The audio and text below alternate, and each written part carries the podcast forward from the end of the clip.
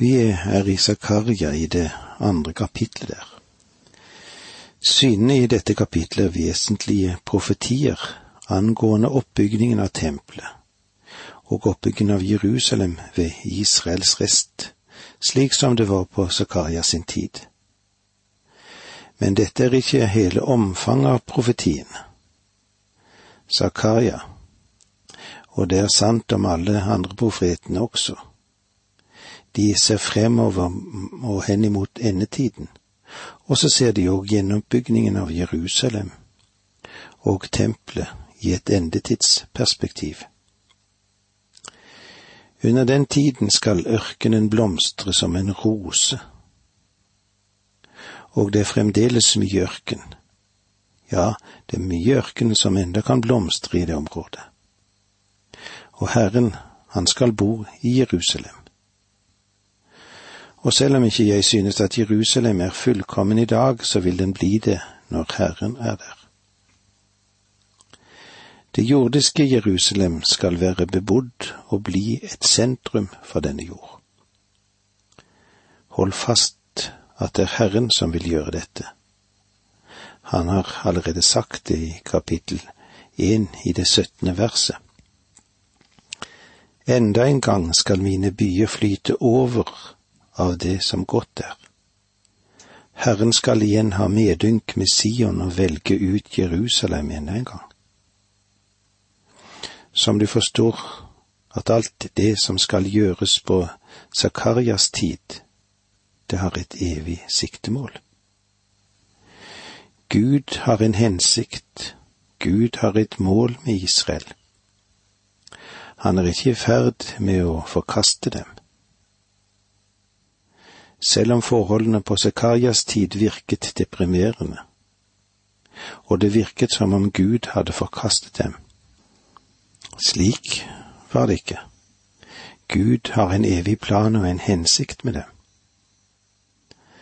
De kunne si sammen med oss, og jeg er viss på at Han som begynte en god gjerning i dere, skal fullføre den, helt til Jesu Kristi dag, som det står i Filippensebrevet 1.6. Nå går vi videre inn i dette kapitlet av synet med de fire horn. Her kommer nå det andre synet som Zakaria fikk. I de to første versene i dette kapitlet leser vi slik. Jeg løftet øynene og fikk se fire horn. Da sa jeg til engelen som talte med meg, hva betyr dette? Han svarte, Det er de horn som har spredt Juda, Israel og Jerusalem. Jeg ser på synet med de fire horn som ett syn, og synet med de fire smedene som et annet syn. Mange fortolkere de kombinerer de to og ser på dem som ett syn, men jeg vil vurdere det noe annerledes.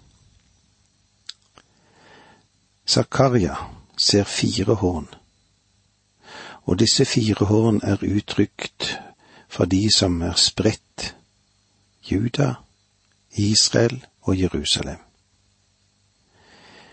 De har spredt både Nordriket og Sydriket. Et horn representerer den hedenske herskeren. Dette ser vi om vi går til Daniel 7, 24. De ti hornene betyr at det skal komme ti konger i dette riket. Og ser vi hen til åpenbaringen i det syttende kapittel vers tolv. De ti horn du så, er ti konger som ennå ikke har fått noe rike, men sammen med dyret skal de få kongemakt i en time og jeg tror at du med denne bakgrunn i disse to henvisningene kan se at hornene representerer hedenske verdensmakter. Så disse fire horn som Zakaria så, de representerte fire maktkonstellasjoner. Vel, hvem er så de, da? De fire hedenske maktene som adspredte Israel, er Babylon, Medio-Persia, Hellas og Rom. Det interessante er her at i de neste syne gjør Gud det tindrende klart at disse fire horn, de vil det bli tatt hånd om. Så vil vi se på synet med de fire smedene. Versene tre og fire. Så lot Herren meg se fire smeder. Da spurte jeg, Hva er det disse smedene kommer for å gjøre? Og han svarte, De hornene som spredte Juda, gjorde det slik at ingen kunne løfte hodet. Men nå er disse kommet for å sette skrekk i dem til jorden skal de slå hornene på de hedningefolkene som løftet horn mot Juda og spredte folket. Da spurte jeg, hva er det disse smedene kommer for å gjøre? De vil si, hva er det disse dyktige håndverkerne gjør her? De hornene som spredte Juda, gjorde det slik at ingen kunne løfte hodet. Men nå er disse kommet for å sette skrekk i dem. Til jorden skal de slå hornene på de hedningefolk som løftet hård mot Juda og spredte folket. Dette er vel uten tvil en av de mest særpregede profetier vi har i Bibelen. Hvem er nå disse fire smedene? Ja, det har nok vært mange forslag angående dette. Flere av kirkefedrene har sett dem som symbolske for de overnaturlige midler som Gud kan bruke. Det er ikke godt å si seg helt enig i dette, men oppfatningen den kan gå i mange retninger, og kanskje den som doktor Unger gir uttrykk for i sitt kommentarverk til profeten Zakaria kan si oss noe siden de fire horn er symbol for fire påfølgende verdensriker, det som spenner over hedningenes tid. Så må også de fire smedene representere fire påfølgende makter, at det blir brukt av Gud for å omstyrte fiender av Guds folk, av israelsfolket. Og nå vil jeg sitere hva doktor Unger sier. På linje med Daniels store profetier angående hedningenes tid, slik vi finner det i Daniels bok i det andre kapitlet, vers 31 til 45, og kapittel 7, vers 2 til 13, blir de tre horn under Guds straffende hånd smeder, mens det fjerde og siste horn blir styrtet ved det verdens rike som opprettes ved Kristus, som vender tilbake. Han som kommer for å knuse sine fiender, som på samme tid også er hans folks fiender. Det kan vi se i Salme to, versene én til tolv. Herren og hans salvede. Hvorfor er folkeslaget i opprør? Hvorfor legger folkene unyttige planer? Jordens konge reiser seg, Fyrstene rådslår sammen mot Herren og Hans salvede. La oss sprenge deres lenker og kaste reipene av oss. Han som troner i himmelen ler, Herren spotter dem. Så taler han til dem i sin vrede med brennende harme skremmer han dem. Det er jeg som har innsatt min konge på Sion, mitt hellige fjell. Jeg vil kunngjøre det Herren har fastsatt han sa til meg, Du er min sønn, jeg har født deg i dag. Be meg, så gir jeg deg folkene til arve og hele jorden til eie. Du skal knuse dem med jernstav og slå dem i stykker som leirkar. Vær nå forstandige konger, ta imot advarsel, herskere på jorden. Tjen Herren med ærefrykt og glede kyss skjelvende jorden for hans føtter, så han ikke skal bli vred og dere går til grunne på veien. for lett kan hans vrede bli tent. Salig er alle som tar sin tilflukt til ham. Og i vers tre og fire i det andre kapittel leser vi slik. Så lot Herren meg se fire smeder. Da spurte jeg, hva er det disse smedene kommer for å gjøre? Han svarte, de hornene som spredte Juda, gjorde det slik at ingen kunne løfte hodet. Men nå er disse kommet for å sette skrekk i dem. Til jorden skal de slå hornene på de hedninge folk som løftet horn mot Juda og spredte folket. Hvem er disse smedene?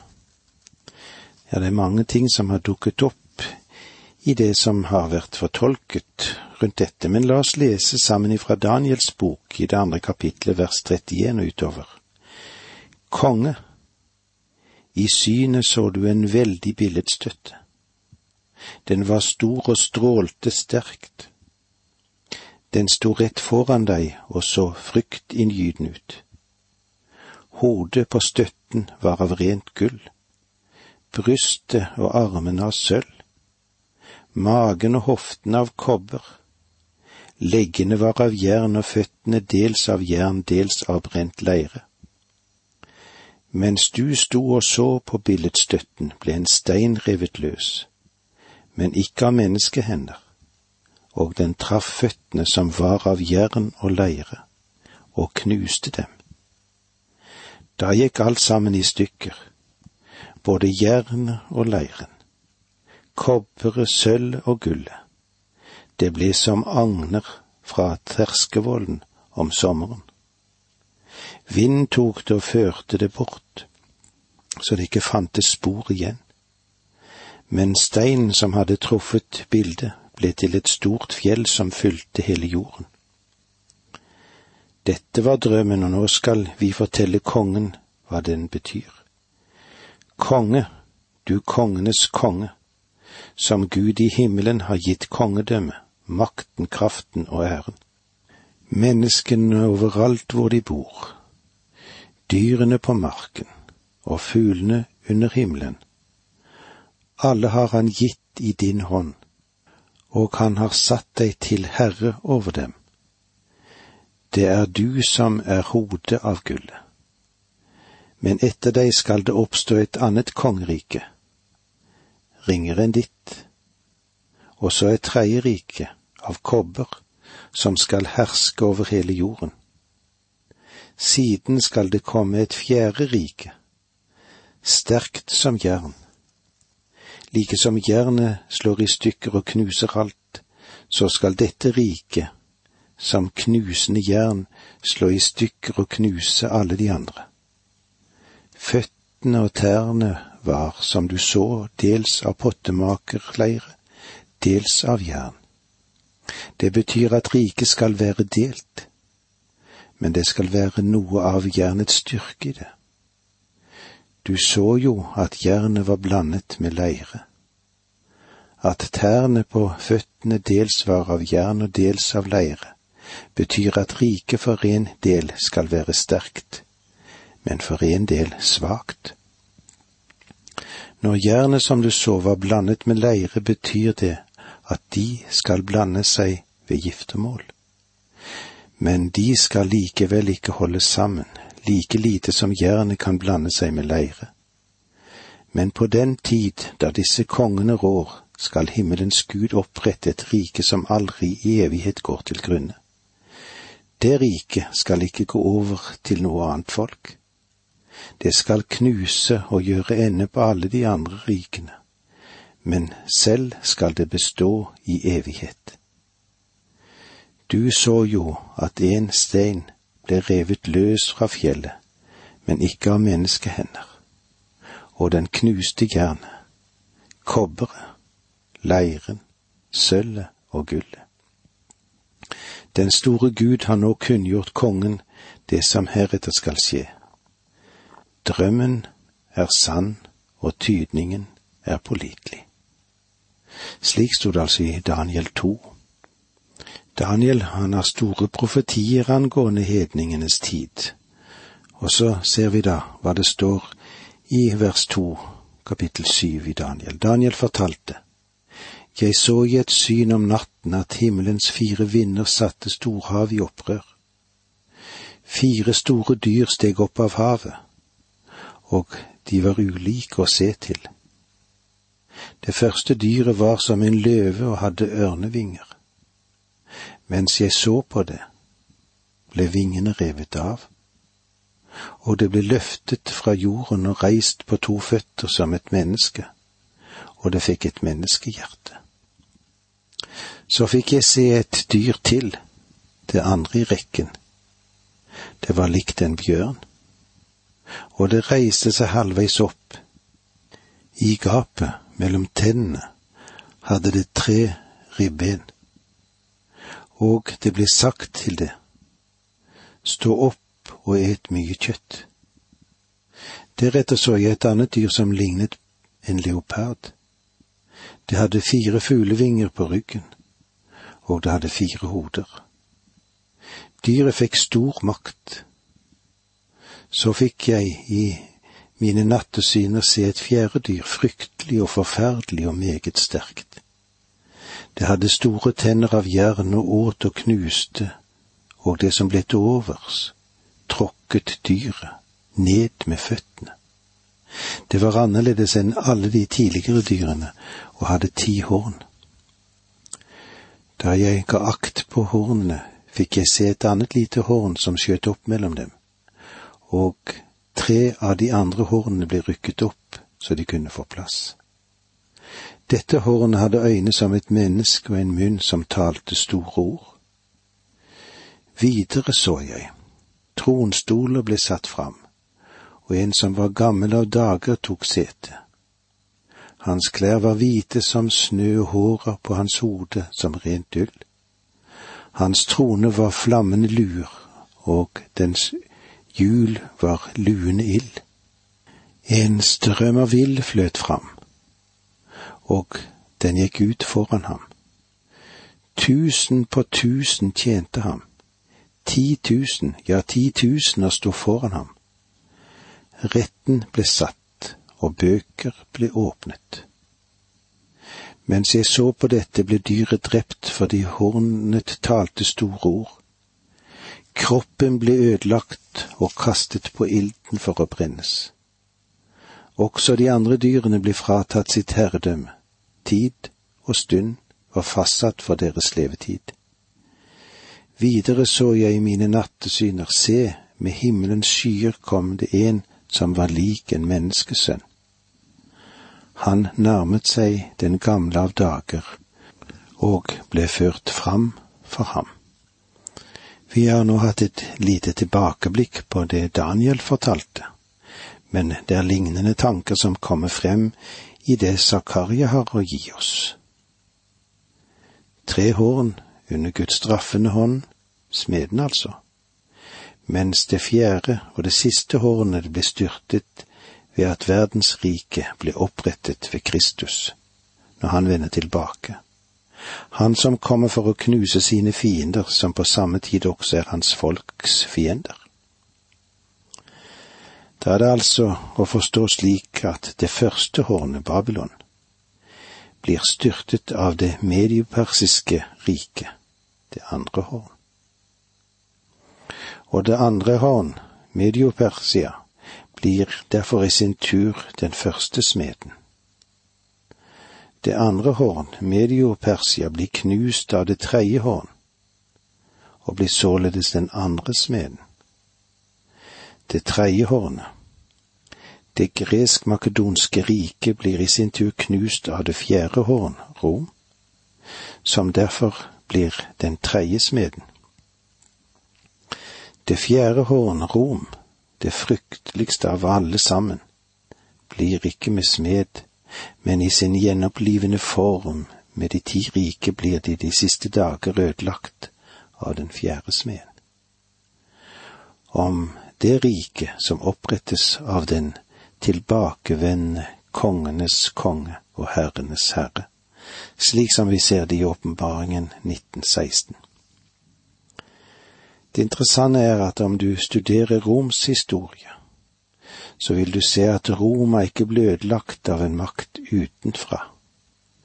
Faktisk vil det romerske imperium ifølge profeten oppstå på nytt. De døde egentlig ikke.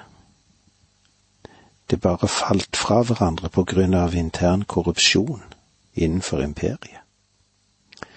Men det er én som kommer, det er Antikrist. Han vil opprette det romerske riket igjen. Han vil være en verdensdiktator. Hvem skal kunne knekke ham? Kristus vil knuse ham når han vender tilbake til jorden. Derfor er Kristus representert ved den fjerde smeden. Han er den som skal bøye det romerske imperium når han kommer ved slutten av den store trengselstiden. Jeg håper at dette avsnittet i Guds ord kan få deg til å se hvor viktig det er å studere hele Guds ord i sammenheng. For ingen profeti i Skriften må bli til ved egen tydning. Det vil si at det ikke skal tolkes ved seg selv, men det må passe inn i Guds veldige program som strekker seg mot evigheten. Og med disse ordene må vi si takk for nå, må Gud være med deg.